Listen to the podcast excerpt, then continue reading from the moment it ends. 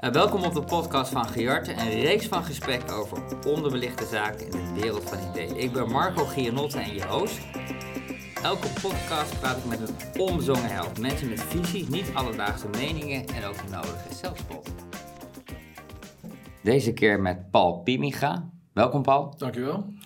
Paul, je bent uh, global, je bent president of European president. Wat ben je nou precies van Mobility? Uh, Mobility een dubbele CEO-baan. Dus we hebben twee CEO's, Andy en ik. Oké. En jij zit er al een tijdje? Ja, vanaf 2014. Ja, ik ken je al heel lang. We gaan het hebben over uh, digitale transformatie, beleving en digitale producten. Dat uh, praten we vol maar. Ik heb je leren kennen al lang, maar je bent iemand die zichzelf continu uitvindt. En de hele tijd uit zijn eigen bubbel stapt. Ja. Je spreekt Chinees, je doet een fotografie, je speelt gitaar. Ja, klopt. Ja, hoe doe je dat dan? Ja, nou ja, weet je, in, gewoon heel veel dingen proberen, heel veel dingen doen en niets afmaken. Dan kan je veel, veel, dingen, veel dingen doen. Oké, okay, Ja, Chinees doe ik net zo, ik heb, ik heb eigenlijk bij mezelf afgesproken, ik doe dingen zolang ik ze leuk vind. Dus ik doe al jaren Chinees. Ik, ik, ik heb nog twee keer in de week les en ik uh, lees een boek voor aan mijn uh, Chinese lerares. Ja, gitaar spelen net zo. Ik heb flamenco uh, geleerd, heb met heel veel plezier gedaan. En, je moet, en dan, ik heb niet het gevoel dat iets af moet, maar gewoon dat, dat, dat je de dingen moet doen die, waar je plezier in hebt. Nou, en dat geeft fotografie ook, geeft me enorm veel uh, nieuwe mogelijkheden. Eigenlijk is het ook wel een beetje een excuus om mensen te spreken. Dus ik reis dan uh, naar, veel naar Azië.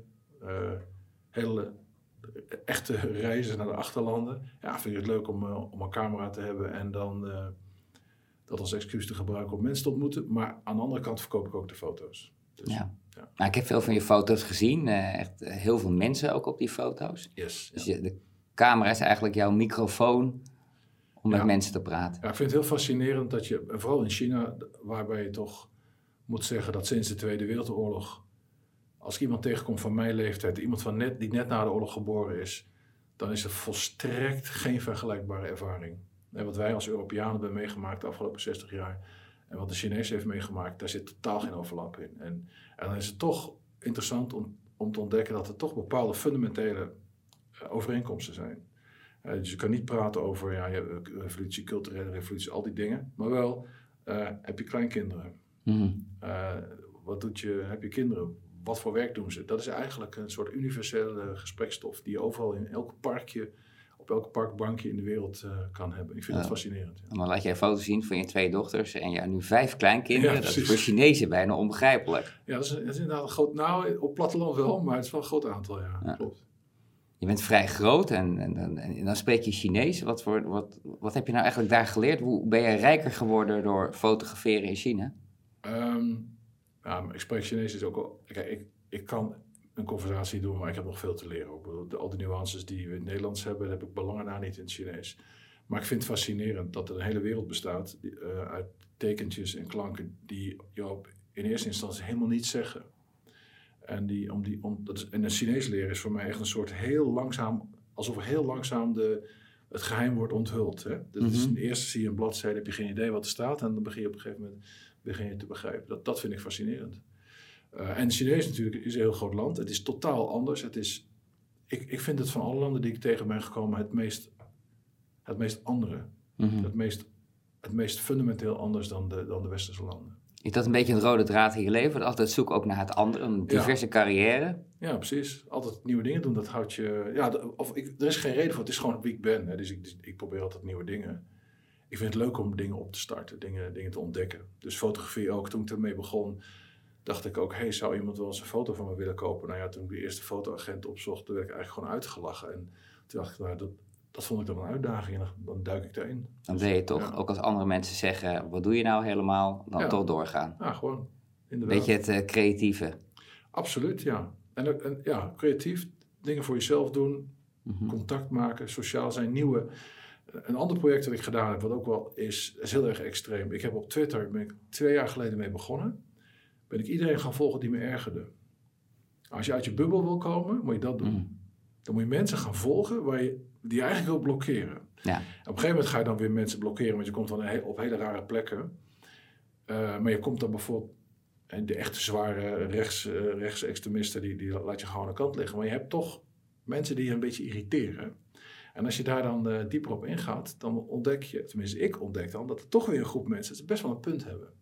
Aha. En dan gaat er toch weer een stukje van je horizon open. Dan, heb je, dan zie je weer iets wat je eerst niet zag, omdat je ja, door je irritatie. Normaal heb je, de, daar staat sociale media bekend om, om je confirmation bias. Dat mensen alleen maar hun eigen mening versterkt willen hebben en zien. En dat je daardoor die polarisatie krijgt. Ja, en tegelijkertijd, het Twitter-algoritme is erop gemaakt om engagement te verhogen. En mensen zijn het meest engaged als ze geïrriteerd zijn.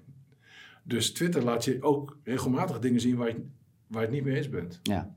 Maar jij zoekt het ook echt op. En kan je een voorbeeld waar je zegt, nou, met deze persoon of deze heb ik echt heel veel ook van geleerd, waar ik nou, altijd tegen was? Ja, ik zou een voorbeeld. Een voorbeeld is, uh, uh, op een gegeven moment was ik een beetje, zag ik uh, posten over radicaal feminisme. En ik mhm. had dan die, ik had een reactie van, ja, maar dat geldt niet voor alle mannen. Mm -hmm. Dat is een hele bekende reactie. Maar ik ben het gaan volgen. En toen, op een gegeven moment kwam ik erachter dat mijn reactie, als ik zeg, ja, maar dat geldt niet voor alle mannen, die ontstaat eigenlijk uit het feit dat ik denk dat het over mij gaat. Ja. En, uh, en, en ik ontdekte bijvoorbeeld ook bij racisme, als jij zegt ik ben niet racistisch, Mhm. wat, wat iedereen eigenlijk zegt, denk ik, dan zeg je eigenlijk een stap achteruit uit de discussie. Ja. Dan denk je de discussie gaat niet over mij. Maar als, als je dat zegt, stap je eigenlijk weg van het probleem. En eigenlijk moet je naar het probleem toestappen en kijken wat, wat kan ik hier doen. En dat was in dat, dat, dat radicaal feminist irriteerde mij om die reden, omdat het zo anti op, op dat moment las ik een, aantal, een groot aantal posts die echt anti-man waren.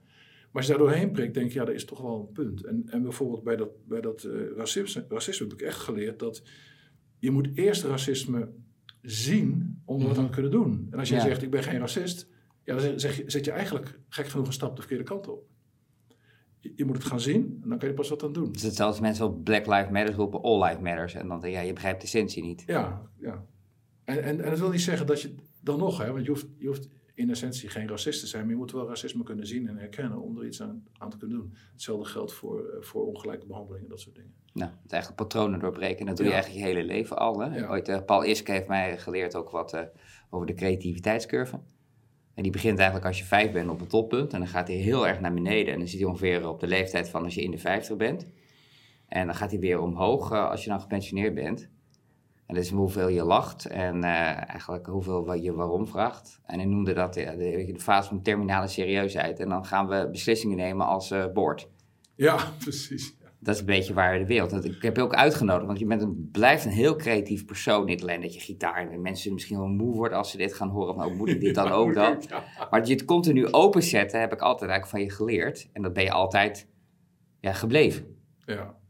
Ja, mensen moeten sowieso niet, want het is ook wel heel vermoeiend om mij te zijn. Dus dat raad ik ook niet aan. Doe best gerust jezelf. Ja, moet ik je kinderen vragen dan. Ja. Ehm, maar wat drijf je nou eigenlijk om continu uit je eigen comfortzone te stappen? Hè? Dus als jij de irritatie opzoekt of zo op Twitter. En, Ja. maar waarom doe je dat? ja, ik vind de ontdekking. Ik, ik, ehm, het, dat is iets heel diep persoonlijks. Als ik bijvoorbeeld ergens. Ik ga het ook liefst als ik reis naar plekken waar geen rough guides van zijn, waar geen gidsen zijn, waar gewoon niets te beleven is. Ja, maar waar wel mensen zijn. En dan, dan ga ik daarheen en dan denk ik, wauw, ik ben hier. Wat, Mhm. wat doen deze mensen, weet je wel? Wat, waar gaan ze, gaan ze uit eten of wat, wat gebeurt hier? En dat, dan zie je dus, als je even daar blijft, zie je dus allerlei dingen. En het zijn geen unieke dingen, het zijn gewoon de dingen die de mensen doen. Maar ik vind dat fascinerend. Ja, waarom? Ehm, ik, ik, ik weet het eigenlijk niet. Het is gewoon een, drang, het is gewoon een hele diepe nieuwsgierigheid. Ik vind het leuk om nieuwe dingen te doen. Met het bedrijf ook. Het begon met 35 man in eh, twe- 2014. Het is een geweldige experience, een geweldige, ja, het is gewoon geweldig leuk om iets op te Mhm. bouwen, om iets te ontdekken, iets te creëren. Maar ik heb dat, die behoefte is wel heel sterk, dus werk alleen is niet genoeg. En zodra ik weer kan reizen, ga ik het ook zeker gelijk weer doen. En dan vind ik het geweldig. Ik ben, eh, twee jaar geleden ben ik in Xinjiang geweest, in eh, de grens met eh, Pakistan en China, in Kashgar. Mhm. En dat komt, mijn opa, nou, jaren geleden, want mijn opa die ging altijd met mij met een vergrootglas naar landkaarten kijken. En ik heb dat vergrootglas nog. En ik heb die fascinatie voor landkaarten nog. En wat is die fascinatie? Je kijkt naar een landkaart, je ziet een berg, je ziet een naam, je ziet heel, in heel cursief geschreven Silk Road. Ja. En dat, dat is daar. En ik heb als, als jongetje van, nou wat was dat, zat geweest zijn, 6, 7, 8, dacht ik van, vond ik het fascinerend dat die kaart een, st- een stukje werkelijkheid representeerde. Dat dat dus echt bestond. Dat daar dus mensen waren. En ik heb dat nog. Als ik ga reizen, heb ik altijd een eh, papieren kaart bij me. ja. En ik, ik heb nog steeds dat gevoel, ik wil, en dan kijk ik, als ik dan, dan kijk, waar ga ik heen? Dan wil ik daarheen. En waarom wil ik daarheen? Omdat dat plaatje me fascineert. Dus ik ben gewoon naar dat, naar dat plekje toe gegaan, waar dan Silk op die kaart staat. Silk Road. Maar het staat natuurlijk niet in, in het land, maar dan, ik, ik vind dat... Ja, dat Het is jouw eigen soort eh, augmented reality. Met een vergrootglas ja. ga jij naar een papieren kaart kijken en die hele beleving die je toen hebt gekregen van je opa heb je eigenlijk meegenomen. Dus je ziet dus, dat komt groot nul, jouw reisdrang. komt daar vandaan. Absoluut, absoluut. Dus je hebt het gewoon vastgehouden, je hebt het niet afgeleerd, je bent niet geconditioneerd, Nee, je hebt vastgehouden. ik vind het geweldig leuk, ja. Nou, je hebt nu een super eh, gave, je bent een, een bedrijf van jullie dat groeit tegen de, de, de klippen op. Ja, Nou, we hebben het vaak ook wel gehad over ja, digitale producten. Het woord digitale transformatie, ik krijg het bijna mijn bek niet meer uit. Ik word er gewoon echt bijna misselijk van. ja heel Ik goed. zie hele grote Big Bang projecten weer mislukken. Er wordt heel veel geld Er is geschoven. altijd wel een excuus om iets heel duur te maken en dan te laten mislukken, ja. Ja, dat vind ik ook heel irritant. En Ja. dan, eh, dan wordt het weer vergeven, komt er weer een nieuwe en dan stellen het weer uit. Hè. Een beetje we're kicking eh, the can of digital transformation down the road, vertelde iemand laatst. Ja, eigenlijk doen we niks echt. Nee, Maar het idee van een digitaal product, hè? ja. Of digitale engagement. Engagement vind ik ja, betrokkenheid. is een mooi woord gebruiken. Betrokkenheid bij een product, bij een merk. Ik vind het soms heel raar. Ik heb wel het gevoel dat ik gewoon gestolkt word. Of dat, dat ik een product koop en daarna, ja, ik, ik raak ze nooit meer kwijt. Ik denk, ja, eh, op de verkeerde momenten eh, zoeken ze weer contact. Probeer ze nog meer iets te verkopen. Ik denk, jongens, Ja. dat, dat doe je niet. Dus al die technologie, al die data leidt tot wel hele rare vormen van eh, engagement marketeers. Ja, absoluut. Ik heb, ik heb eh, laatst had ik eh, handdoeken gekocht, Japanse handdoeken. Ja. Netjes geleverd met een handgeschreven briefje. Klaar. Maar ik had ook een ander merk hand, handdoeken gekocht, wat ik ook dacht dat Japans waren, maar dat waren ze niet. En, en voordat ik die geleverd had, had ik al 10 of 12 aanbiedingen van het bedrijf gehad. En dat is, ik heb zo contact met ze gezocht. Zeg maar, wat is jullie brand policy hier nou? Want op het moment dat ik iets gekocht heb, krijg ik twee weken later een discount aanbieding. Dat, dat zei ik toch af. Ja. Dat geeft toch geen premium. Maar je ziet dus wel dat je, je geeft eigenlijk marketeers en, en, en een enorme toolset in handen. En wat ze daarmee doen is de klant irriteren.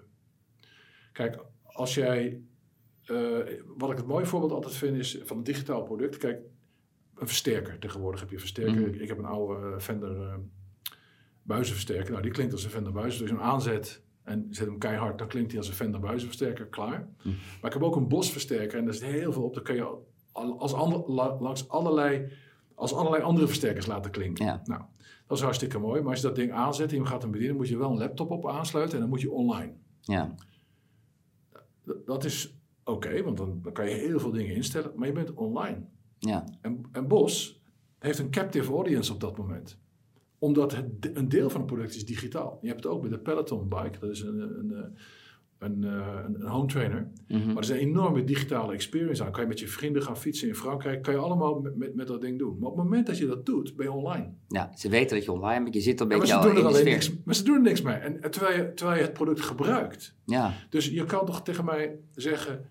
Hey, hey Paul, ik, ik zie dat je weer online bent. Ik zie dat je de vorige twee sessies heel veel bluespatches hebt gedownload. Hier, hier heb je er één. En, en bovendien, misschien je hier geïnteresseerd. Dus je kunt heel low-key relevant blijven. In plaats van dat je mij bombardeert Facebook met banner ads. Of, of met e-mails. Worst, eh, eh, nog erger. maar als we het nu erover hebben, hoe komt het dat dat niet gebeurt? Ik wist, kijk, ik begrijp in de wereld van tech, hè, waar ik eigenlijk voorkomt, eh tech en touch, hè, bijvoorbeeld om empathie te leren bij techies, dat, dat was al een opgave, dat Ja. ze keken naar de eindgebruiker. Nu heb je een hele generatie marketeers of eh, chief marketing officers, digital officers, die, die nemen die hele toolset. Ja, en dan krijgen we dit soort discussies waar jij zegt, of anderen die logisch nadenken, ja, dat is toch helemaal niet logisch om je brandbeleving zo te organiseren? Ja, hoe nou, komt dat dan? nou, dat is, dat is, eh, ja, hoe dat komt, dat is hoe, waar de wereld, waar de concurrentie nu is. Dus het is, het is, er zijn be- bedrijven die het heel goed doen. En bedrijven zoals, zoals Peloton doet het goed. En er zijn bedrijven die het nog niet goed doen. Ehm, en omdat ze, ik kan me wel voorstellen als je op een gegeven moment een, eh, een, een versterker bouwt. En je bent met je hele research, met alles bezig om het perfect te laten klinken. En je hebt hem dan af in jouw ogen. En je kan hem dan met de computer programmeren. Dan denk je, nou, want je bent, je bent helemaal gefocust op die versterker. Nee. Je hebt hem gebouwd. Hij doet het. Hij klinkt geweldig. Hij krijgt geweldige reviews. En, eh, Dus dat wil jij gewoon. maar je hebt natuurlijk aan de andere kant een klant die elke dag met dat ding bezig is. Wat is jouw, wat is jouw eh, cross-sell, upsell potentieel? Wat is je eh, herhalingsrevenue? Wanneer ga je nog iets verkopen aan die klant? Dat doe, ze, het enige wat ze doen is registreer je product en je dan bombarderen met e-mails. Oké, dat is level 0.1.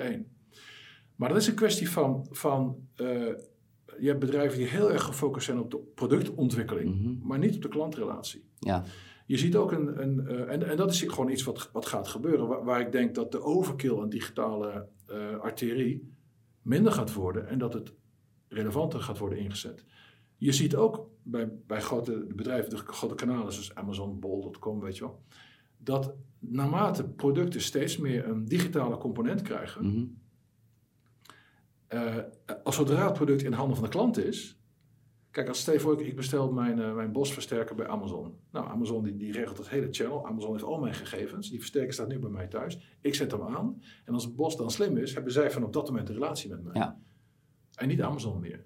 Dus die channels, Amazon, die zullen ook moeten kijken. Wacht eens even, naarmate het percentage digitaal in de producten groter wordt, ja. wordt de grip op de consument kleiner. Nu ging het altijd puur om het kanaal, het verkopen van het online. En nu gaat het echt om, een, om het onderhouden van een relatie. Dus in plaats van een digitaal product meer naar de digital engagement. Ja.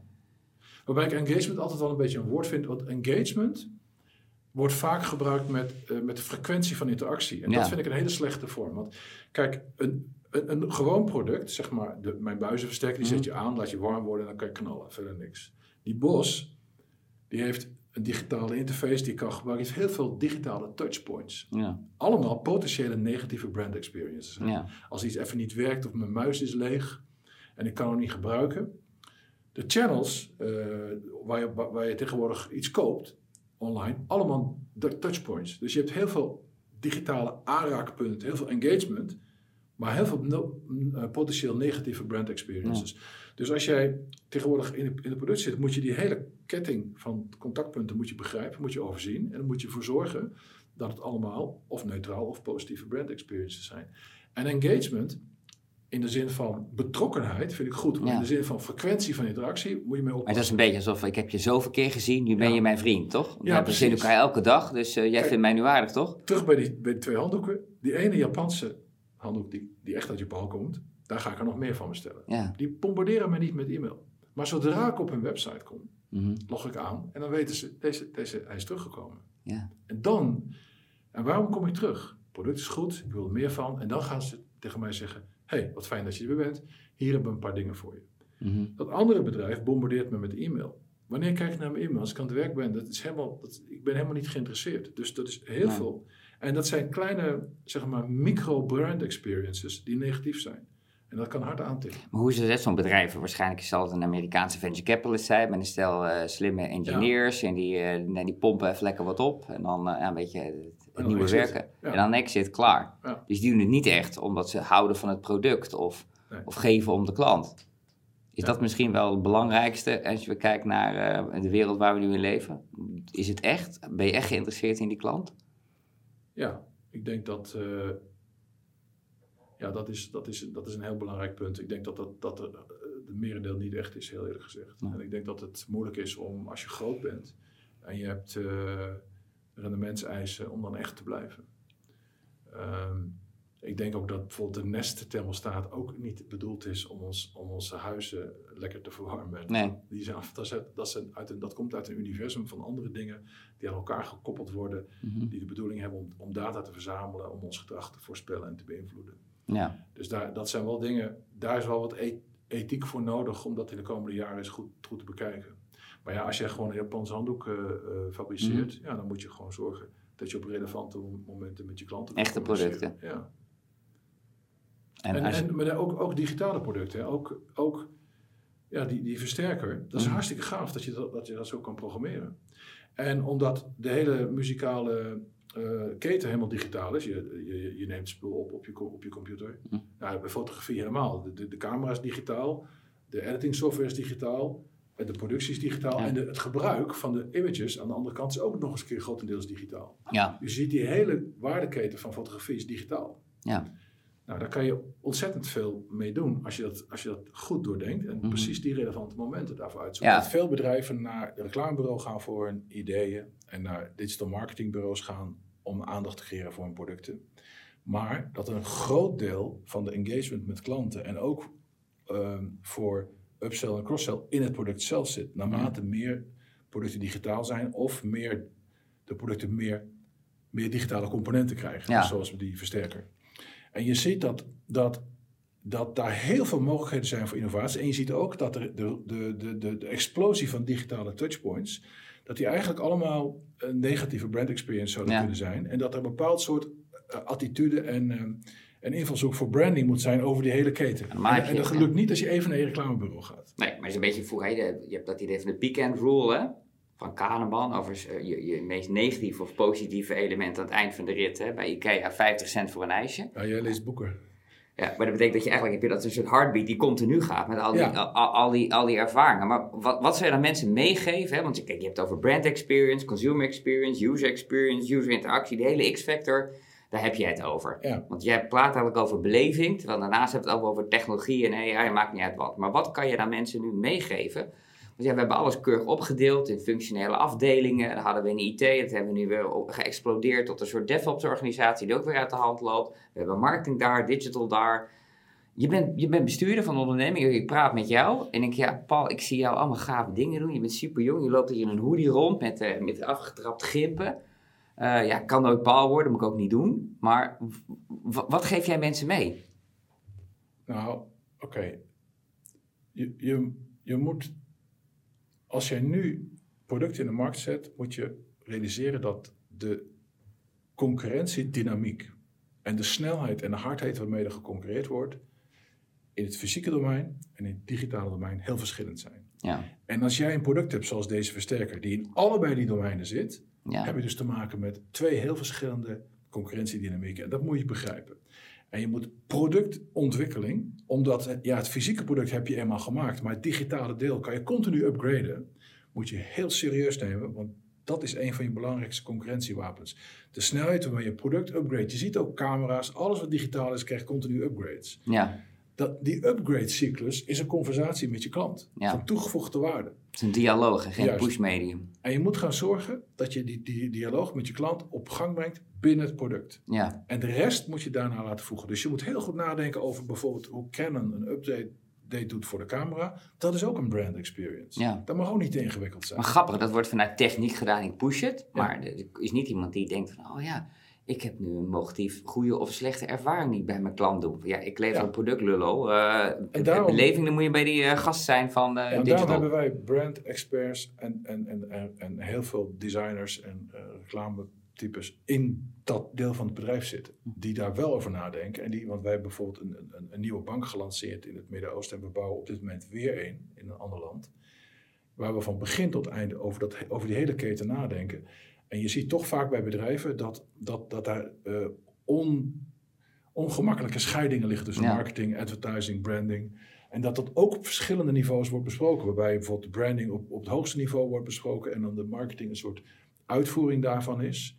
Ehm, zien wij dat het veel beter bij elkaar te brengen is in ja, eh, product ownership. Wat het Een interdisciplinaire samenwerking binnen je ondernemingen. Maar wat geef Ja. je dan mensen mee? Ik bedoel, je hebt- spreekt heel veel ondernemers, heel veel topmensen die ja, moeten nog ook een paar jaar voor een pensioen. Die denken, oké, wat gaan we hier nou doen? Productontwikkeling serieus nemen. Realiseer dat de productontwikkeling vele malen echt factoren sneller is dan, dan het tien jaar geleden was. Ja, en dan En voor jou die digitale component erin. En die Ja. twee werelden zo snel met elkaar gaan dat je heel veel touchpoints hebt. Ja. En dat je eigenlijk continu bedenken, wat doet het nou met mijn klant? Ja. En ook hè, die, die, die irritatiefactor begrijpen. Dat je En niet moet... die is veel belangrijker dan, dan, die, dan die banner ads eromheen. Want Ja. als je dat goed doet, als je dat beter doet, daar krijg je een, een, een onmiddellijke rendement op. Nou, dus werkelijk de relatie met een klant. Hè, want dat is, je je hebt die mensen die die handdoek kopen, die home trainer, die Ja. versterker. En die relatie verbeteren en uitdiepen. En dan komt een beetje mijn laatste natuurlijk een beetje raar. Hè, want bij een energiebedrijf krijg je pas korting als je opzegt. Dus, dus mensen Ja. zorgen heel vaak goed voor een nieuwe klant, maar toch niet zo goed voor een bestaande klant. Dat is al gangbaar. Hè? Wat makkelijker is, ja, heel duur trouwens is om een nieuwe klant te werven. Maar is dat iets fundamenteels dan? Want het is al 10, 20 jaar oud in marketingtermen dat ja, echt customer relationship management toch niet op een hoog niveau wordt uitgevoerd. Nee, dat, ook dat is vaak zo dat je- bij energiebedrijven, je hebt een core proces en je hebt dan het customer relatieproces wat er eigenlijk naast staat. Ja. Ja. Maar als je, als je hoe dichter die twee bij elkaar brengt, kijk, het product zelf heeft, als je het, als je het goed doordenkt, ook de, de- die home trainer of die versterker of zelfs die handdoek, heeft allemaal potentiële toekomstige omzetmogelijkheden. Ja. Die als je, dat, als je dat rustig begrijpt, als je de context begrijpt waarin het product gebruikt wordt en kijkt waar, wat in die context dan de aanraakpunten zijn die je kan gebruiken, en dan kan je op een, op een nette manier kan je die ontwikkelen. Maar dat is wel vanuit het product en vanuit het gebruik van het product. Je, je krijgt ook niet, als jij van je bank, dat, dat was in het verleden ook wel zo, dan de- deden telco en banken en, en ook V&D, die boden dan dingen aan die niks met hun brand te maken, zoals V&D-verzekeringen. Nou ja, dan, dan denk je op een gegeven moment ook van ja, dat, gaat, dat, is, dat is niet wat je wil. Binnen, binnen het kader van het brand, binnen het kader van het product, wil je dingen aanbieden. Klantrelaties, brand experience, de micro, dat moet je eigenlijk begrijpen. Ja, dat moet je begrijpen. En dan moet je mensen... En je bovenkamer openzetten, voldoende dingen doen. Ook, eh, en ik, eh, eh, nog één vraag. Helpt het? Je- China en de Oosterse cultuur is echt heel anders. Hè? Tijd is een soort, net als water en zo. Bij ons is tijd heel absoluut. Is die Oosterse kijk op de dingen en het leven, helpt het je? Mm, Dat denk Nee, dat is altijd, dat altijd wat, wat altijd gezegd. Ik, ik denk, denk dat meer de nieuwsgierigheid helpt. Ja. Dat had ook, andere, had ook iets anders. Blijf altijd nieuwsgierig. Ja, neem, neem, neem het niet serieus. Bereid ook niet te veel voor. Ja. En, eh, en blijf inderdaad nieuwsgierig. Nou, het klinkt alsof je nog steeds vijf jaar bent, Deels hier. Ja, precies. Nou, daar wil ik graag mee afsluiten. Dank je Dankjewel. wel, Paul, voor deze podcast. Dank u wel voor het luisteren. Eh, abonneer je via, op de podcast eh, via Spotify. Dank je wel.